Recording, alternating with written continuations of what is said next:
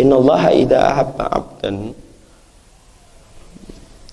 Innallaha idza ahabba 'abdan asalahu qalu wa ma asalahu ya Rasulullah Qala yuwaffiqu lahu amalan salihan idza baina yadayhi ajalihi hatta yaghdha anhu jiranuhu wa man hawlahu Allah itu kalau senang sama orang itu Allah ngasih pemanis kepada orang yang Allah cintai. Para sahabat itu tidak paham. Pemanis itu apa sih ya Rasulullah? Rasulullah cerita. Ini misalkan banyak manusia ini.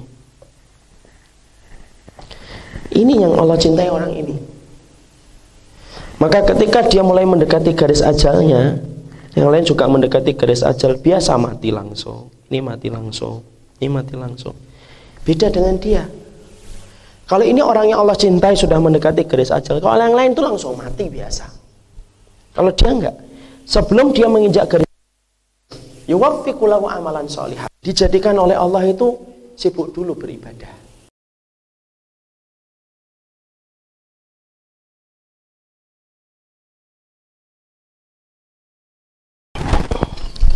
Bismillah. Assalamualaikum warahmatullahi wabarakatuh Innalhamdulillah wassalatu wassalamu ala rasulillah wa ala alihi wa sahbihi wa man tabi'ahum bi ihsan ila yaumil qiyamah. Ibu-ibu, kaum muslimat, para pengusaha dan seluruh komponen yang ada pada majelis ilmu kali ini yang semoga Allah senantiasa rahmati dan semoga Allah senantiasa berkahi. Alhamdulillah tentunya kita bersyukur betul atas segala nikmat yang Allah berikan kepada kita atas segala kebaikan yang Allah torehkan kepada kita sehingga pada kesempatan hari ini kita berjumpa pada majelis yang sangat Allah cintai. Ini bukan hanya majelis pertemuan, tetapi ini adalah majelis ilmu dan ini adalah majelis ukhuwah. Tentunya kita faham bahwasanya ketika kita disibukkan oleh Allah di dalam kebaikan, maka itu merupakan indikator kebaikan yang Allah berikan kepada kita dan keridoannya dan tidak ada tempat bagi kita bersyukur atas segala kenikmatan yang Allah berikan kecuali hanya kepadanya. Dan tentunya kita faham bahwasanya tidak ada yang bisa melapangkan jalan kita dalam setiap kebaikan kecuali adalah Allah. Kepadanya kita bersyukur dan kepadanya kita menggantungkan segala urusan kehidupan kita. Dan semoga Allah tidak pernah meninggalkan kita walaupun sekejap mata. Amin insyaallah Alhamdulillah ini merupakan event perdana saya mengisi di Bandung bersama dengan Wardah. Kalau kemudian di Jakarta sudah beberapa kali kesempatan saya bersama dengan Wardah. Kalau di Bandung ini baru yang pertama dan perdana. Satu bulan ini kalau tidak salah saya sudah mengisi hampir empat kali bersama dengan Wardah. Jadi Masya Allah sudah batasan maksimalnya empat kali ini. Dan kemudian yang keempat kalinya ada di Bandung. Lalu kemudian hari ini pula kita bersama dengan Sob Muslimah, komunitas para ibu-ibu dan para umahat yang mereka berdedikasi untuk berkhidmah kepada Islam dan kaum muslimin. Mereka bergandengan tangan antara Wardah dan Sob Muslimah. Dan saya berdoa semoga bertemunya Wardah dan Sob Muslimah sebagaimana bertemunya antara Muhajirin dan Ansor melahirkan banyak keberkahan bagi kaum muslimin di masa mendatang insyaallah. Kepada Allah kita berharap dan kepada Allah kita menginginkan semoga Allah mengabulkan setiap permohonan kebaikan yang kita panjatkan. Ibu-ibu dan umahat yang semoga Allah rahmati dan Allah berkahi. Kalau kita hari ini bicara tentang cintanya Allah, maka kita tentunya faham berbicara tentang cinta itu identik dengan kegembiraan dan identik dengan sukacita. Manusia ketika sudah mendengar kata cinta selalu bahagia. Makanya kenapa drama Korea itu selalu laku dan banyak peminatnya karena bicara tentang masalah cinta. Kenapa sinetron tentang percintaan itu selalu laku dan datangnya tinggi? Karena menawarkan keceriaan ketika kita menelusuri dan mengikuti kisah-kisah percintaan. Itulah yang kita pahami tentang cinta. Bahwasanya cinta itu selalu melahirkan kebahagiaan. Makanya kalau laki-laki sedang jatuh cinta kepada istrinya, pasti dia akan datang ke kantor dalam kondisi senyum, dalam kondisi ketawa. Kenapa kalau ditanya, kenapa kamu ketawa dan senyum? Ya karena dia akan menjawab, saya telah jatuh cinta kepada wanita yang tepat pada kehidupan rumah tangga saya. Tidak ada wanita, tidak ada laki-laki yang datang ke kantor nangis. Kalau ditanya kenapa nangis? Karena istri saya terlalu mencintai saya. Tidak ada. Karena sesungguhnya cinta itu identik dengan kegembiraan dan keceriaan. Yang ingin saya sampaikan kepada ibu-ibu, kalaulah kita mendapati cinta antara makhluk dengan makhluk saja, ternyata sudah melahirkan kegembiraan yang begitu besar, keceriaan yang begitu tinggi ketika kita cinta antara makhluk dengan makhluk, padahal itu baru manusia. Pernahkah kita merenung sejenak? Bagaimana kalau kita membicarakan cintanya Allah yang tidak ada celah dan tidak ada kekurangan, kemudian ketika ia memberikan cinta dan ridhonya kepada manusia. Inilah satu perkara yang jarang kita renungkan dan jarang kita pikirkan dalam kehidupan kita. Kita sibuk memperhatikan cintanya manusia kepada manusia. Kita sibuk memperhatikan cintanya Sidul sama si Sarah dan Zainab tapi ternyata kita jarang memperhatikan cintanya Allah ke dalam kehidupan manusia itu sebesar apa. Padahal cinta kepada manusia saja melahirkan kebahagiaan yang sama-sama kita fahami. Ternyata para ulama lalu menyampaikan kepada kita Perkara yang paling besar dalam kehidupan kita itu adalah ridho dan cintanya Allah. Makanya Allah menyampaikan kepada kita di dalam surat At-Taubah wa ridwanu minallahi akbar kecintaan dan keridhaan Allah itulah yang paling besar. Makanya hakikatnya siapa pun di antara kita, ibu selaku pengusaha ataupun ibu selaku yang sedang mungkin bergelut dengan bisnis, kalau kemudian di antara kita mendapatkan titipan dari cinta dan ridhonya Allah, berarti kita mendapatkan sesuatu yang paling besar dalam kehidupan kita. Dan kalau kita sudah mendapatkan sesuatu yang paling besar dalam kehidupan kita, kita tidak butuh dengan siapa pun dan kita tidak butuh dengan makhluk karena Allah itu merupakan muara dari segala kebutuhan kita selaku manusia. Makanya orang yang tidak pernah kecewa itu adalah orang yang hanya berharap sama Allah. Dan orang yang sering kecewa, menggigit jarinya, meneteskan air mata, itu biasanya adalah orang yang sering berharap kepada makhluk lebih besar daripada harapan yang ia berikan kepada Allah. Itulah inti masalah dalam kehidupan kita banyak berharap kepada makhluk dan melupakan harapan kita kepada Allah. Makanya inilah jadikan saya pada kesempatan hari ini ingin berbagi tentang hadis-hadis yang disampaikan Rasulullah ketika Nabi sebagai panutan kita menceritakan kepada kita. Ternyata Allah itu punya sifat cinta. Makanya Allah mengulang kata yuhibbu di dalam Al-Quran itu lebih dari 20 kali.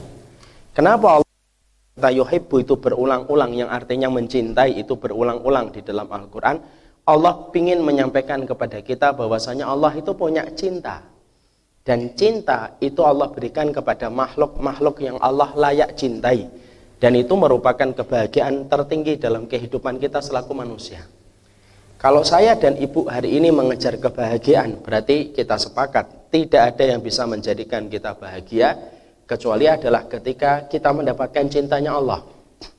Karena kalau ibu mengejar cintanya suami, ingat suami kita adalah laki-laki akhir zaman yang penuh dengan kekurangan. Kalau kita mengejar cintanya seorang anak, anak kita tetap anak yang memiliki sifat-sifat kekurangan dan ketidak dan kekurang ajaran kepada orang tua. Tetapi kalau yang kita kejar itu adalah cintanya Allah, pastikan bahwasanya puncak tertinggi dalam kehidupan kita itu adalah cintanya Allah dan Nabi pun sudah menyampaikan ini berkali-kali di dalam Al-Qur'an betapa besarnya Allah ketika mencintai orang yang beriman. Rasul lalu menyampaikan, saya akan buka supaya kita tertarik untuk mulai mendalami perjalanan kita itu harusnya mengarah kepada satu titik yang bernama cintanya Allah. Saya akan buka ibu dan saya harus paham apa sih yang Allah lakukan kalau Allah itu jatuh cinta. Kalau seorang suami jatuh cinta, mungkin dia akan membelikan sepatu kepada istrinya. Mungkin akan memberikan anggaran supaya istrinya beli tas. Mungkin suaminya akan memberikan anggaran kepada istrinya supaya istrinya beli kosmetik yang halal, semacam wardah. Kalau seorang suami cinta kepada istrinya, tapi kalau Allah jatuh cinta, apakah itu sama dengan apa yang dilakukan suami kepada istrinya? Tentunya tidak. Laisa kami syai'un wa samiul basir. Allah itu tidak sama dengan makhluk. Makanya kita harus paham apa yang Allah lakukan kalau Allah itu jatuh cinta dan konsekuensinya bagaimana. Supaya kalau kita sudah mulai paham apa yang Allah perlakukan kalau Allah jatuh cinta, nanti itulah yang akan mendorong dan memberikan motivasi kepada kita Wallah, tidak ada yang penting kecuali adalah yuk kita mencari ridho Allah dalam kehidupan kita. Rasulullah itu menyampaikan kepada kita ada tiga perkara yang Allah lakukan kepada orang yang Allah cintai yang Allah tidak pernah berikan tiga perkara ini kecuali hanya kepada mereka yang Allah cintai siapa pun yang tidak mendapatkan cintanya Allah siapa pun yang tidak mendapatkan ridhonya Allah maka dia tidak akan mendapatkan tiga perkara ini pada kehidupan mereka apa tiga perkara itu Ustaz? Pasti orang yang diberikan cinta sama Allah itu diberikan harta. Salah. Kalau jawaban itu yang kita berikan, kalau jawaban itu yang kita berikan, pastikan itu salah. Kalau ada yang mengatakan bahwasanya cintanya Allah itu datang bersamaan dengan harta, berarti orang kafir itu adalah orang yang Allah cintai. Harta mereka lebih banyak daripada harta kita. Mereka ke mana-mana memakai sesuatu yang sifatnya itu maksimal dan kita memakai sesuatu yang sifatnya minimal. Kalau kita mengartikan bahwasanya cintanya Allah itu harta, Berarti Bill Gates itu lebih Allah cintai daripada kita. Karena Bill Gates ke mana-mana pakai jet pribadi. Kalau kita pakai pesawat ekonomi, itu pun yang pesan tiketnya tiga bulan sebelumnya, yang tidak bisa di refund dan tidak mendapatkan bagasi kecuali bayar. Kalau kemudian kita mengatakan bahwasanya cintanya Allah itu datang bersamaan dengan harta, salah. Pasti Allah tidak akan memberikan harta itu kepada Namrud, tidak akan diberikan kepada Korun. Karena apa? mereka adalah orang yang sudah dikatakan oleh Allah sebagai orang yang dimurkai oleh Allah. Berarti tidak ada hubungannya cintanya Allah itu dengan harta. Makanya mari kita benarkan sikap kita jangan memandang harta itu indikator keridhaan Allah. Kalau kita memiliki indikator yang semacam itu, berarti kita tidak faham dari apa yang Allah sampaikan di dalam surat Al-Fajr. Fa'amal insanu idza mabtalahu rabbuhu fa akramahu wa na'amahu fayaqulu rabbi akraman. Manusia itu kata Allah itu kalau diberikan harta yang banyak dan dimudahkan pintu rezekinya mereka akan berkata Robbi akroman. Allah sedang sayang ya sama kita. Tetapi ketika Allah memberikan kepada kita faqadaru alaihi rizquhu fayaqulu rabbi ahanan. Kalau disempitkan rezekinya maka manusia itu cepat-cepat berkata Allah itu kemudian sedang benci sama kita. Kala tidak kayak gitu. Padahal seringnya kita ini kadang-kadang kalau duduk di depan rumah kita Kemudian sambil ditemani suami kita, ngelihat mobil kita ada tiga, lantai rumah kita ada enam. Kemudian kita berkata, lihat mah, rumah kita sekarang lantainya enam, mobil kita empat, yang dua untuk gokar dan untuk gojek misal. Kita ini disenangi sama Allah dan disayangi sama Allah. Padahal tidak ada konsep cintanya Allah ketika kemudian mencintai makhluk itu adalah berkenaan pada harta. Karena sesungguhnya Allah itu tidak pernah berkenan untuk memberikan apa yang menjadi cintanya dibuahkan dalam bentuk harta karena bukan itu. Sekarang ketika harta itu bukan indikator Allah itu mencintai kita, terus apa indikator Allah itu mencintai kita? Maka Rasulullah yang menjawab, karena tidak ada yang paling tahu Allah dan tidak ada yang paling tahu tentang Robnya kecuali Rasul. Apa yang Allah kemudian lakukan kalau Allah itu sudah jatuh cinta? Karena Allah menyebutkan kata yuhibbu di dalam Al-Quran itu lebih dari 20 kali menegaskan Allah itu punya cinta. Berarti cintanya Allah itu ngapain kalau Allah jatuh cinta? Maka kemudian Rasulullah menyampaikan tiga hadis yang semuanya adalah hadis sahih. Pertama Bukhari, yang kedua Muslim, yang kedua adalah hadis yang diriwayatkan oleh Imam Hakim yang disetujui oleh Imam Ad-Dahabi. Sekarang kita buka hadis yang pertama. Rasulullah mengatakan dalam hadis qudsi, "Inna Allah idza ahabba 'abdan wa ma yazalu 'abdi yataqarrabu ilayya bi syai'in mimma aftaratu 'alaihi wa la yazalu 'abdi yataqarrabu ilayya bin nawafil hatta uhibbah." Fa in kuntu ahbabtuhu kuntu sam'ahu alladhi yasma'u bihi wa basarahu alladhi yubsiru bihi wa yadahu allati yabtishu biha wa rijlahu allati yamshi 'alaiha. Sa'alani la utiyannahu wa la in ista'adani la uidannahu. Allah itu menyampaikan dalam hadis Qudsi, tetapi hadis Qudsi ini sahih. Ibu tahu kan hadis Qudsi?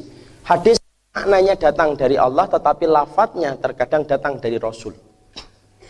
Allah itu menyampaikan, kalau aku mendapati seorang hambaku, laki-laki ataupun perempuan, dia melakukan perkara yang wajib dan perkara yang sunnah.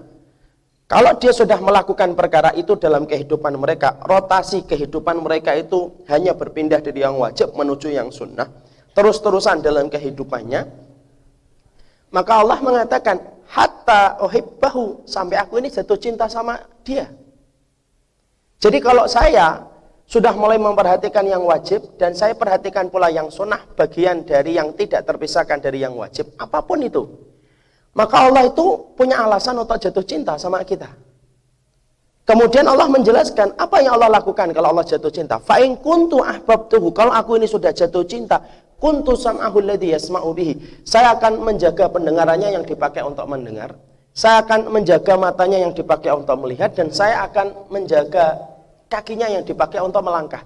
Imam Nawawi mengatakan ketika mengomentari hadis ini, orang yang Allah cintai itu akan dijaga matanya, akan dijaga telinganya, akan dijaga kaki, tangan dan kakinya, untuk tidak mudah berbuat kemaksiatan dan dosa. Allah gampangkan dia berbuat baik, tetapi Allah sulitkan dia untuk berbuat kemaksiatan dan dosa. Allah jadikan orang yang Allah cinta itu buta, tapi bukan butanya tidak bisa melihat, buta. Dia tidak bisa melihat kemaksiatan. Allah akan jadikan orang yang Allah cinta itu tuli, tapi bukan tuli yang tidak bisa mendengar. Tuli yang tidak bisa mendengar kemaksiatan. Dan Allah akan jadikan orang yang Allah cintai itu adalah lumpuh. Tapi bukan lumpuh yang tidak bisa berjalan. Lumpuh, dia tidak bisa mendatangi tempat kemaksiatan. Karena apa? Karena Allah ingin supaya lembaran-lembaran orang yang Allah cintai ketika Allah sudah meridainya, lembaran aktivitas hidupnya itu hanya pindah pada sesuatu yang Allah ridai supaya Allah semakin jatuh cinta kepadanya atas semua aktivitas yang dia lakukan. Makanya maaf ibu, kalau saya dan ibu bertanya di pojok ruangan di tengah malam, Allah ini sayang nggak ya sama saya itu? Jawabannya simpel sebenarnya. Kalau hidup kita dimudahkan dari bangun sampai kemudian kita tidur untuk melakukan kebaikan, dimudahkan ibu untuk khidmah sama suami, dimudahkan khidmah saya untuk istri, dimudahkan kita sabar untuk anak, dimudahkan kita datang ke tempat taklim, Allah mudahkan itu. Padahal dulunya ketika muda kita sulit melakukan aktivitas itu semuanya. Senyum. Di situ Allah meridhoi kita ketika Allah memudahkan kita dalam kebaikan. Makanya saya teringat kepada kisah yang nyata yang pernah terjadi pada zaman Rasulullah. Pada zaman Nabi, Nabi Muhammad itu adalah orang yang kita sepakat diridhoi oleh Allah, dicintai oleh Allah.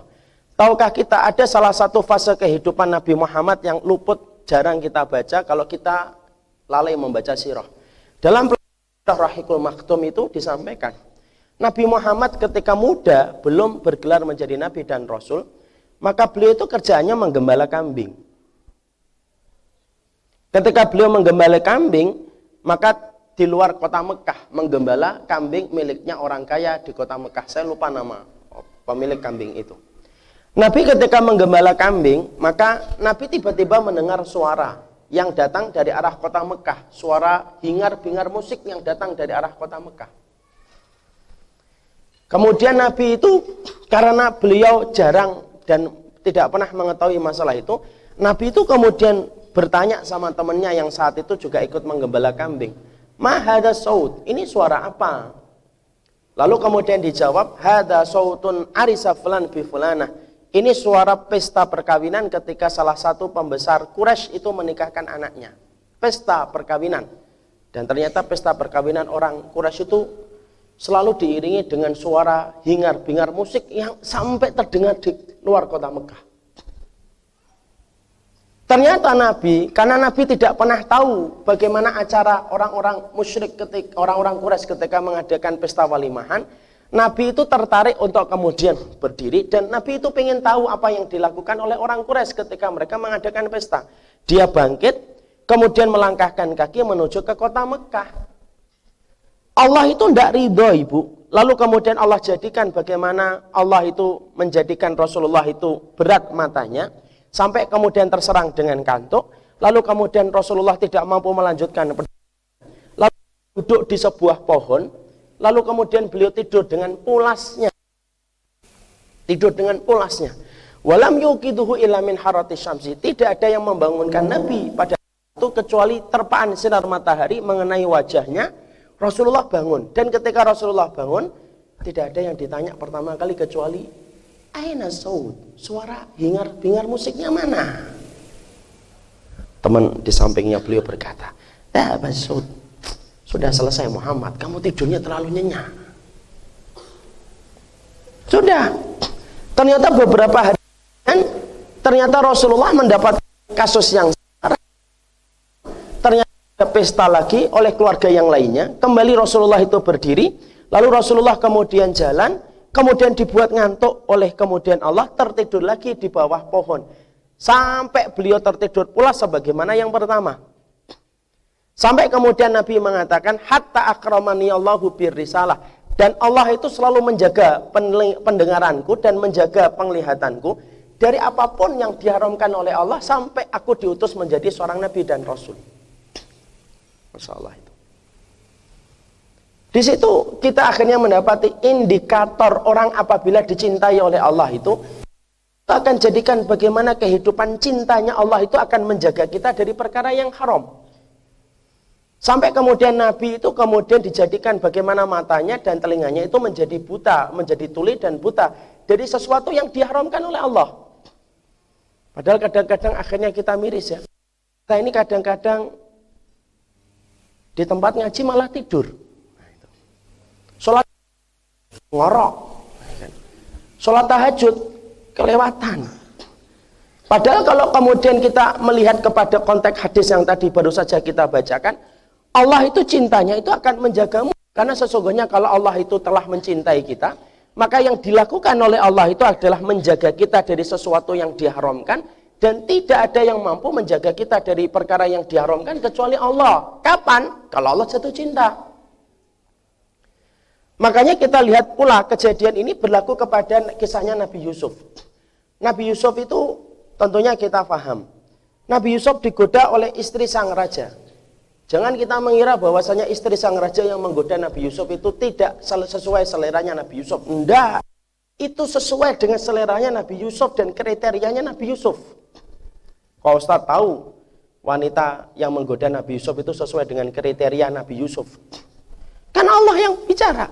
Fahamma biha fahamat bihi. Yusuf itu senang sama perempuan semacam itu sebagaimana dalam hatinya itu mempunyai keinginan untuk itu sebagaimana istri sang raja punya keinginan.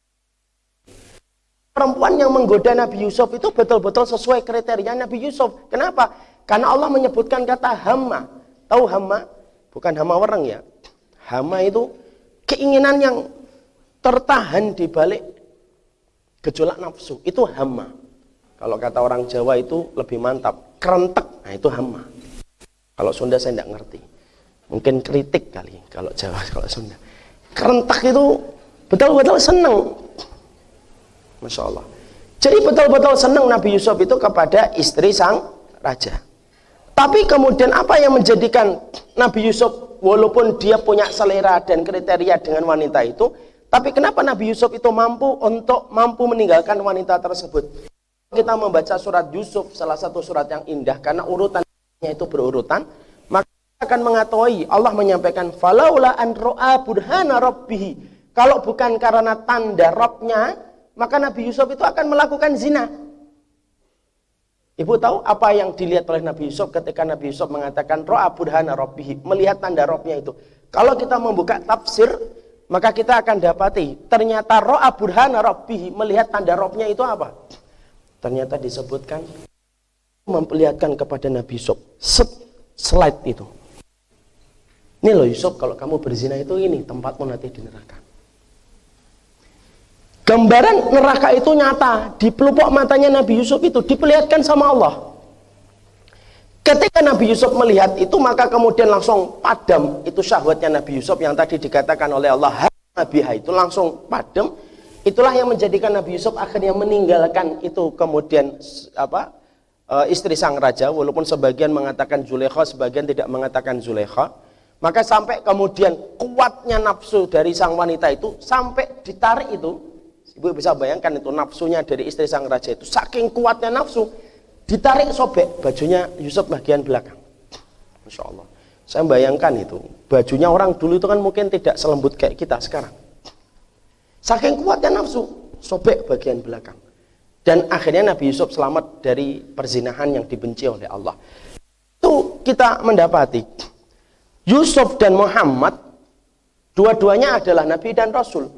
Tetapi kemudian kita mendapati Yusuf dan Muhammad ketika dicintai oleh Allah, Maka yang dilakukan oleh Allah kepada Nabi Yusuf, yang dilakukan oleh Allah kepada Nabi Muhammad adalah menjaga Nabi Yusuf dan Nabi Muhammad itu dari perilaku kemaksiatan.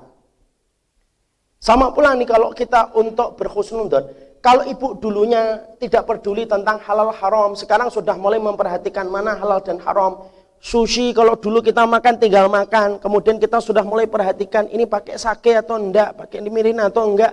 Kalau kemudian kita sudah mulai memperhatikan halal haramnya kita, maka kita berpijak kepada kisah yang disampaikan oleh Allah di dalam kisahnya Yusuf dan Muhammad. Itu menjadi cermin untuk kita kalau Allah itu mencintai kita, mungkin ada yang kaya, mungkin ada yang miskin.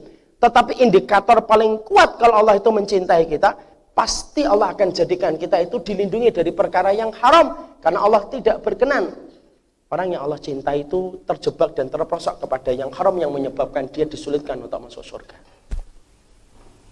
Itu yang kita harus dan itu tidak ada yang bisa melakukannya kecuali Allah.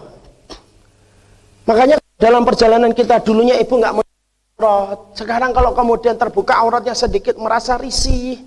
Dulu rambut terbuka tiba-tiba rambut yang tertutup dan kalau rambut itu terbuka sedikit langsung buru-buru berdiri di pojok ruangan menutup kemudian rambut kita. Anak-anak kita perempuan ketika terbuka auratnya kita sudah bisa nangis dan berkata, nak kapan kamu nutup auratmu? Kalau semua perkara itu sudah mulai muncul dalam kehidupan kita, maka perhatikan ya, itulah salah satu tanda Allah mencintai kita. Karena mencintainya Allah itu beda dengan mencintainya makhluk. Kalau makhluk cinta, dia akan kabulkan permintaan siapa pun yang dia cintai. Suami lagi jatuh cinta sama istrinya. Istrinya minta tas apa pun dibelikan. Istrinya itu apa pun dibelikan. Kenapa saya nyebutkan tas dan sepatu? Karena dua barang itulah yang paling banyak diminta perempuan. Maka kemudian dipenuhi. Itu kalau makhluk jatuh cinta kepada makhluk. Tetapi ketika Allah jatuh cinta kepada makhluk, tidak sebagaimana makhluk. Tetapi Allah ketika jatuh cinta kepada makhluk itu bagaimana Allah menjadikan setiap makhluk itu ketika Allah cintai, Allah akan arahkan dia kepada perkara yang Allah cintai dan Allah akan jadikan seluruh apa pun dalam kehidupannya itu selalu berpotensi melakukan kebaikan. Makanya Ibu tahu siapa orang yang saya khusnudon itu Allah itu sebenarnya cinta sama beliau. Saya punya guru ada guru tahfidz saya namanya Ustadz Awaludin. Batu bara beliau sudah meninggal bu. Lima tahun enam tahun yang lalu. Beliau ini juara sampai ke Saudi buta. Tapi dulu itu murid-muridnya itu anak-anak fakultas syariah. Timur Tengah itu murid-muridnya beliau. Saya termasuk orang yang sangat beruntung sekali pernah nyetorkan hafalan kepada Ustadz Awaludin Batubara. Nanti kalau mau dicek mungkin masih ada kali jejak-jejak digitalnya beliau. Tapi beliau buta orangnya. Beliau itu kalau menghafalkan Quran, eh, kalau kita nyetorkan hafalan itu, hafal detail itu, sampai nomor ayat pun hafal. Padahal buta. Padahal menghafalkan nomor ayat itu bagi ibu-ibu yang sudah mulai belajar menghafalkan Quran, paham. Menghafalkan nomor ayat itu lebih susah daripada menghafalkan ayat. Saya tanya ibu-ibu misalkan minal jinnati wan nas ayat berapa bu? Pasti bingung. Pasti ngurutin dulu dari awal. Qul a'udzu birabbin nas, malikin nas, ilahin nas. Malikin nas sama ilahin nas digandeng satu atau enggak Ustaz? Tanya lagi. Itu biasanya gitu. Beliau ibu, kalau kita nyetor hafalan, beliau duduk di habis subuh dan habis asar. Kita nyetor hafalan Ali Imran, Anisa, At-Taubah, Hud, Nanti kalau kita nyetor satu harinya satu lembar. Nanti dengerin semua murojaah kita sampai selesai. Ibu tahu cara dia ketika mengingatkan kesalahan kita? Tadi kamu ngapalin surat Hud ya? Iya. Tadi ayat 21 kurang panjang. Tadi ayat ke-26 ada kata-kata yang hilang. Tadi ayat yang 31 kamu kemudian hukumnya kurang panjang. Itu disebutkan nomor ayat padahal buta. Padahal beliau butanya dari semenjak SMP. Jadi dulunya saya tanya, Ustaz dulu menghafalkan Quran itu gimana? Dua kali. Orang kemudian mendengarkan kepada beliau, dia dengarkan lewat kaset, diulang-ulang lagi. Kaset diputar balik, putar balik, putar balik, putar balik sampai hafal Al-Qur'an. Bahkan saya pernah ketemu salah satu temannya yang pernah datang ke pondok ketika kita nyetor hafalan, beliau berkata, "Ini Ustaz Awaludin ini dulu teman saya." Saking beliau itu meresap kalau dia menghafalkan Al-Quran. Saking meresapnya beliau ketika menghafalkan Al-Quran. Pernah kami akan ujian surat Yusuf. Pernah kami akan ujian surat Yusuf. Itu yang lain pada ngafalin, beliau itu saking seriusnya menghafal surat Yusuf, tertidur di atas sajadah. Ketika tidur, ngigu. Mengigunya itu surat Yusuf dari awal sampai terakhir tidak ada yang salah. Padahal ngigu. Padahal kita ngigo ndak ngigo bukan surat Yusuf. Al-Falak aja enggak, apalagi surat Yusuf. Mengawalnya surat Yusuf aja enggak. Maka belum Yusuf sampai kemudian ketika bangun, maka kemudian ketika bangun orang-orang pada kemudian heran itu. Teman-temannya beliau. Kemudian beliau akan menghafalkan surat Yusuf, teman-temannya bilang, "Sudah, Din, enggak usah Duh kenapa? Lu kamu tadi ngigus surat Yusuf aja nggak ada yang salah kok kamu ngulangi lagi. Sudah itu. Makanya ketika beliau sudah ini, saya pernah tes beliau. Ustaz pernah hafal nggak dari bawah ke atas Ustaz? Saya saya jadi saksinya. Beliau pernah hafalkan surat An-Naba dari atas sampai bawah. Amma yatasa'alun. Kalau itu sih insya Allah hafal gampang. Tapi dari bawah ke atas itu sama lancarnya sebagaimana kita dari atas ke bawah. Itu Ustaz Awaluddin batu bara Allah yarham sama Allah merhatikan ketika saya melihat beliau lalu ketika baca hadis ini tidak ada yang saya pikirkan di hadapan beliau ketika habis baca hadis yang tadi saya sebutkan hadis kudsi tadi kecuali yang saya pikirkan satu Allah itu kalau sudah jatuh cinta kepada manusia akan dijadikan oleh Allah itu perkara-perkara yang sebenarnya mustahil bagi orang itu akan jadi sangat mungkin bagi orang yang Allah cintai. Orang lain itu kalau kemudian ada yang usah ngomong halal haram deh, nggak usah ngomong halal haram. Kan ada orang yang hidup itu santai, nggak usah terlalu kayak gitu banget. Bagi orang lain itu terlalu berat hidup kayak gitu. Tapi bagi orang yang menjalaninya ketika dia selalu memperhatikan halal dan haram, itu justru sumber kenikmatan hidup dia. Ada orang yang kemudian ketika kelihatan rambutnya, dia biasa saja. Tapi bagi orang itu ketika kelihatan rambutnya itu musibah. Mungkin dia bisa nangis ketika kemudian terbuka pintunya, tiba-tiba auratnya kelihatan sama laki-laki, itu pun tidak sengaja. Dia bisa nangis walaupun itu tidak sengaja. Kenapa? Karena itu merupakan perkara yang berat bagi orang yang tidak dicintai oleh Allah, tapi itu ringan bagi orang yang Allah cintai. Sehingga perkara-perkara yang tidak bisa dilazimi secara lumrah oleh kemudian oleh kebanyakan orang, itu dijalani sama orang yang dicintai oleh Allah itu dengan mudah. Kenapa? Ya karena di situ kita mendapati bahwasanya kalau Allah sudah jatuh cinta, Allah mudahkan dia dalam setiap kebaikan itu. Saya tuh punya seorang ustadz bu, teman saya sendiri, itu kalau dia mau makan di sebuah restoran, selain dia tanya halalnya, dia tanya kepada restoran itu, ini kuasnya pakai kuas apa pak? Dia bawa fotokopi kuas-kuas yang ada kandungan babinya. Dan itu dibawa di tasnya. Terus kemudian ditunjukin, pakai kuas ini, ini, ini mereknya enggak? Iya pak. Ya sudah. Dia masukkan lagi, dia enggak jadi beli di situ.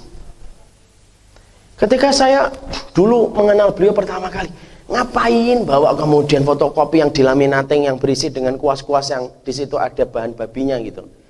Tapi setelah saya merenungi itu, bagi saya mungkin berat, bagi dia mungkin ringan. Kenapa?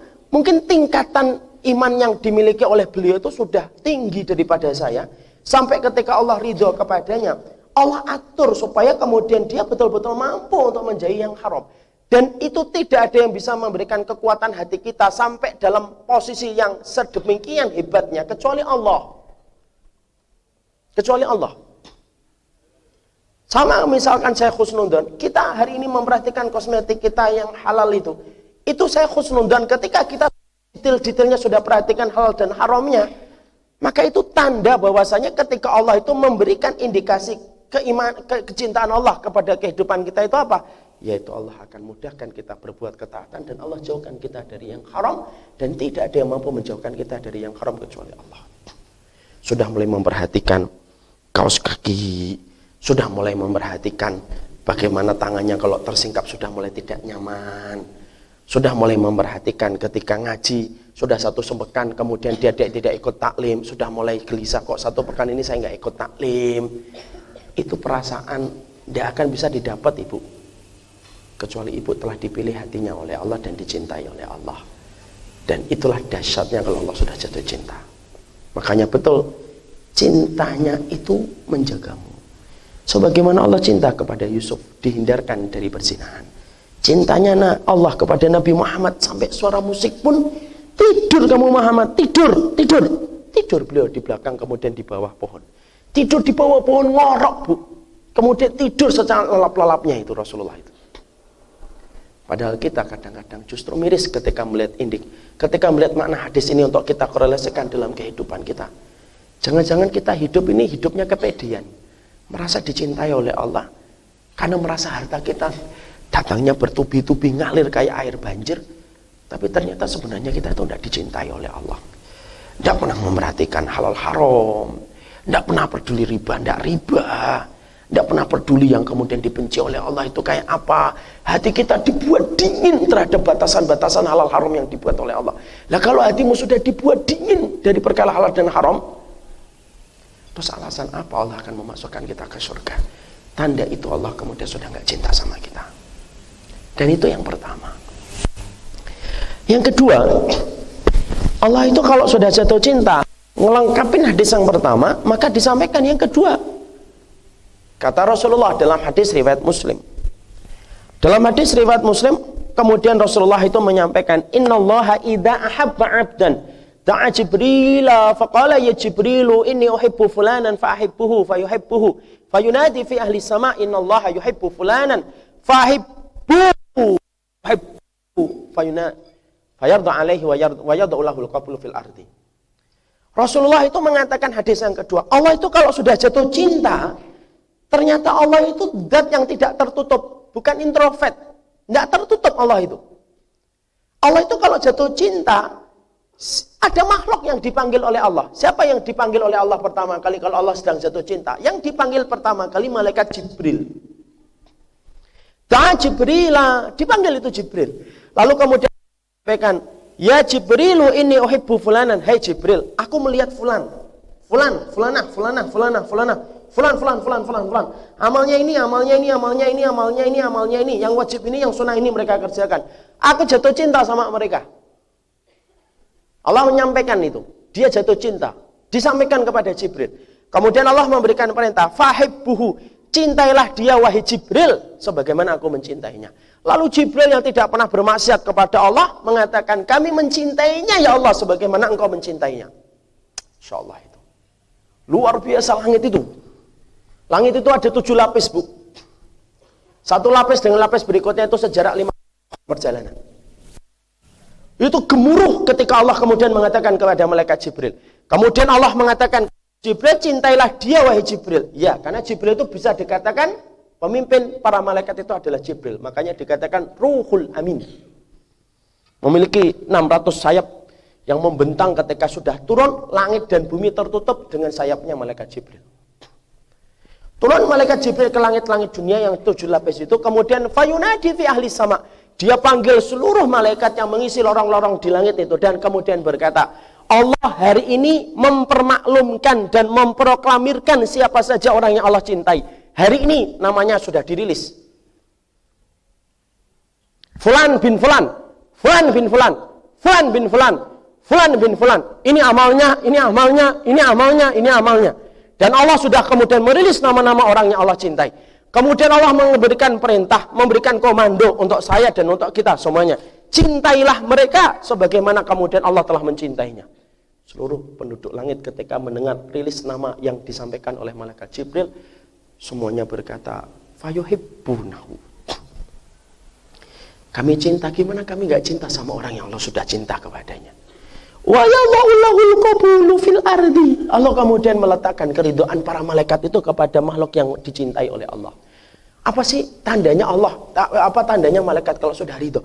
Malaikat kalau sudah ridho itu menyebutkan nama ibu dan menyebutkan nama saya. Kalau Allah cinta kepada kita dan mereka ridho sama kita, disebutkan nama kita itu setiap mereka itu meminta ampunan kepada kita. Kenapa? Malaikat itu tidak pernah meminta ampunan dirinya. Yang dikerjakan malaikat itu memintakan ampunan. Kenapa mereka meminta ampun? Karena tidak pernah berbuat dosa. Jadi kemudian mereka itu memintakan ampunan. Siapa yang dimintakan ampunan? Orang yang dicintai oleh Allah. Makanya ada kata-kata yang saya ingat betul itu perkataan salaf ulama terdahulu. Fakam min masyurin fit dunya majhulun fis sama. Berapa banyak orang yang terkenal di antara manusia. Tapi ternyata penduduk malaikat itu tidak ada yang kenal dengan dia. Kenapa? Amal solehnya nggak pernah ngelewatin mereka di langit-langit. Hari Senin dan Kamis ketika dilaporkan amal itu tidak ada yang dikaitkan dengan amalan mereka. Tapi sebaliknya kata para ulama, wakam min majhulin fit dunya masyhurun fis sama. Berapa banyak orang yang kemudian tidak dikenal di antara penduduk dunia, tapi justru mereka terkenal di antara penduduk langit. Kenapa? Setiap Senin dan Kamis ketika para malaikat melaporkan amal-amal kita kepada Allah, para malaikat mengatakan ini amal siapa, ini amal siapa, ini amal siapa. Disebutlah nama-nama orang yang kemudian amalnya itu diterima oleh Allah pada hari Senin dan Kamis. Jatuh cinta sama malaikat. Lah malaikat tuh kalau jatuh cinta itu ngapain Ustaz? Oh, sok malaikat kemudian tidak ngapa-ngapain, Bu. Wah, anak SMP kalau lagi senang sama apa aja beliin handphone kok. Walaupun uang sakunya selama satu bulan kemudian akhirnya dikorbankan. Itu anak SMP. Baru cinta monyet. Dia rela untuk tidak memakai uang sakunya untuk membahagiakan perempuan yang dia senangi ketika memberikan handphone. Walaupun dengan itu dia tidak makan dan tidak jajan selama satu bulan dengan uang sakunya. Itu anak SMP. Malaikat itu kalau kemudian jatuh cinta, itu lebih daripada yang dilakukan anak SMP ketika mereka jatuh cinta secara secara kasar atau kemudian jatuh cinta monyet. Apa yang dilakukan malaikat itu? Para ulama kemudian menyitir sebuah ayat yang sangat indah dan sebuah ayat yang sering disebutkan oleh para ulama. Ayat ini mungkin sebagian dari ibu-ibu sudah paham. Innal ladina qalu rabbunallah surat Fusilat ayat 30. Innal ladina qalu Rabbuna Allah thumma istaqamu tatanazzalu alaihimul malaikah alla takhafu wa la wa absiru bil jannah allati kuntum fiha tu'atun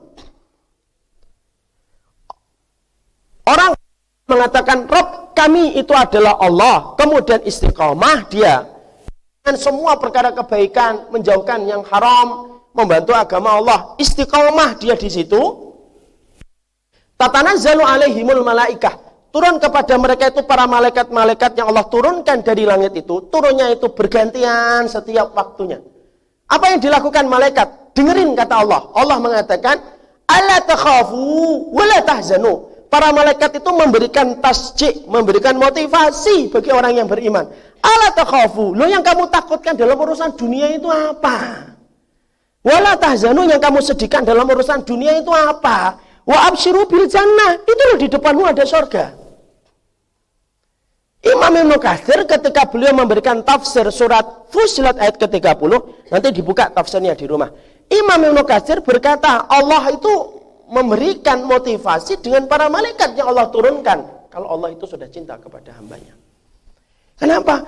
Karena Allah kalau sudah jatuh cinta, hambanya ini dibuat supaya istiqomah. Dan supaya istiqomah, harus memerlukan komponen untuk menguatkan. Komponennya siapa? Malaikat. Makanya orang beriman ujiannya berat. Iya. Tapi pertolongan Allah lebih besar. Salah satu pertolongan yang apa, Pak? Malaikat. Memberikan motivasi. Saya tuh mengambil analogi yang sederhana, Ibu. Saya tuh bayangkan diberi motivasi sama malaikat itu kayak apa ya rasanya? Mungkin sebagian dari kita pernah ikut acara motivasi dan motivator-motivator nasional. Ada Maria Teguh, Ari Ginanjar, Andre Wongso yang kalau kita ngikutin training-training mereka itu 5 juta, 7 juta, 8 juta. Kalau saya ngikutin biasanya habis itu makan waktu dua makan itu karena dulu mahal banget itu. Dulu saya tuh pingin banget ikut Mario Teguh gitu, kelihatannya kok masya Allah gitu. Saya tuh ngelihat gitu kayak motivator itu kayak Mario Teguh, Andre Wongso, Ari Ginanjar, itu kekuatan kata-katanya itu bisa menjadikan orang itu dari nol sampai kemudian bisa berprestasi bahasa yang paling terkenal dari kata motivator itu apa? From zero to hero. Itu pasti kayak gitu aja. Dan orang itu jadi semangat. Saya tuh cuma berpikir sederhana, kalaulah motivator sekelas Andri Wongso, Ari Ginanjar, itu ternyata ketika dia ngasih motivasi, orang itu bisa naik motivasi dalam hidupnya dan pekerjaannya. Lalu saya bayangkan itu kalau malaikat yang turun ngasih motivasi terus gimana itu? Yang ngasih Andri Wongso, Mario Teguh, Marmita misalkan ngasih motivasi. Itu saja sudah bisa melahirkan banyak kebaikan. From zero to hero ketika dalam hidupnya. Itu baru motivasi manusia. Yang kata-kata yang disampaikan itu disertai dengan kekurangan dan aib yang dia miliki. Itu pun bisa merubah orang. Lah apalagi malaikat yang tidak pernah bermaksiat. Kok sampai memberikan motivasi? Lu seberat apa yang akan dirasakan orang kalau diberikan motivasi oleh malaikat? Makanya orang kadang-kadang ibu-ibu pernah nggak ngeliat ada orang sol itu sampai kita kagum itu ujiannya berat tapi masih bisa senyum.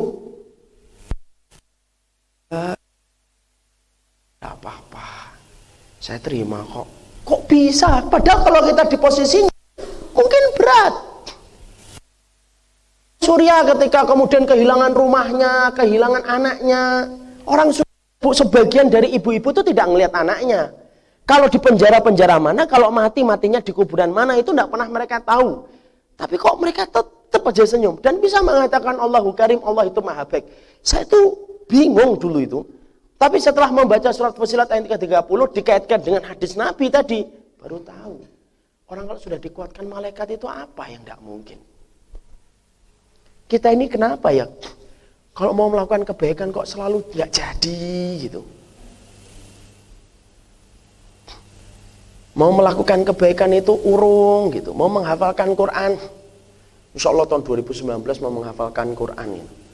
Sampai tahun 2019. Tapi juga nggak menghafalkan Quran gitu. Kita kemudian pinginnya nanti ninggalin yang haram gitu. Tahun 2020, 2020 datang. Sampai lima tahun setelahnya pun yang haram belum ditinggalkan.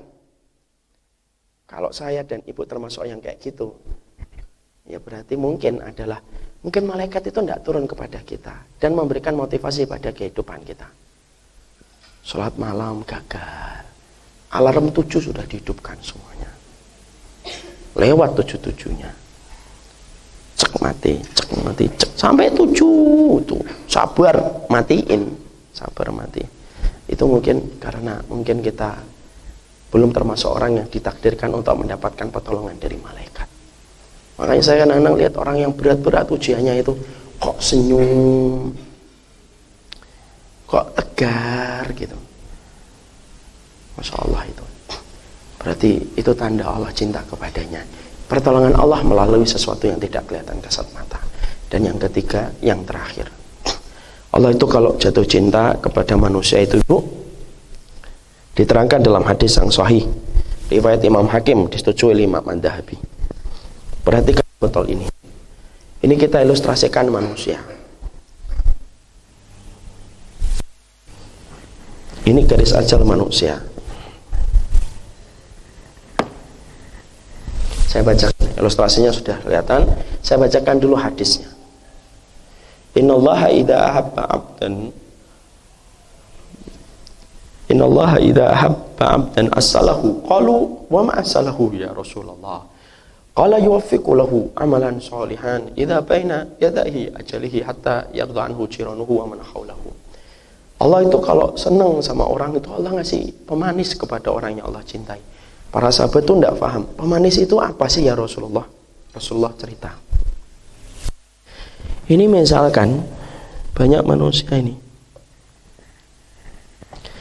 Ini yang Allah cintai orang ini. Maka ketika dia mulai mendekati garis ajalnya, yang lain juga mendekati garis ajal, biasa mati langsung. Ini mati langsung, ini mati langsung. Beda dengan dia. Kalau ini orang yang Allah cintai sudah mendekati garis ajal, kalau yang lain itu langsung mati biasa.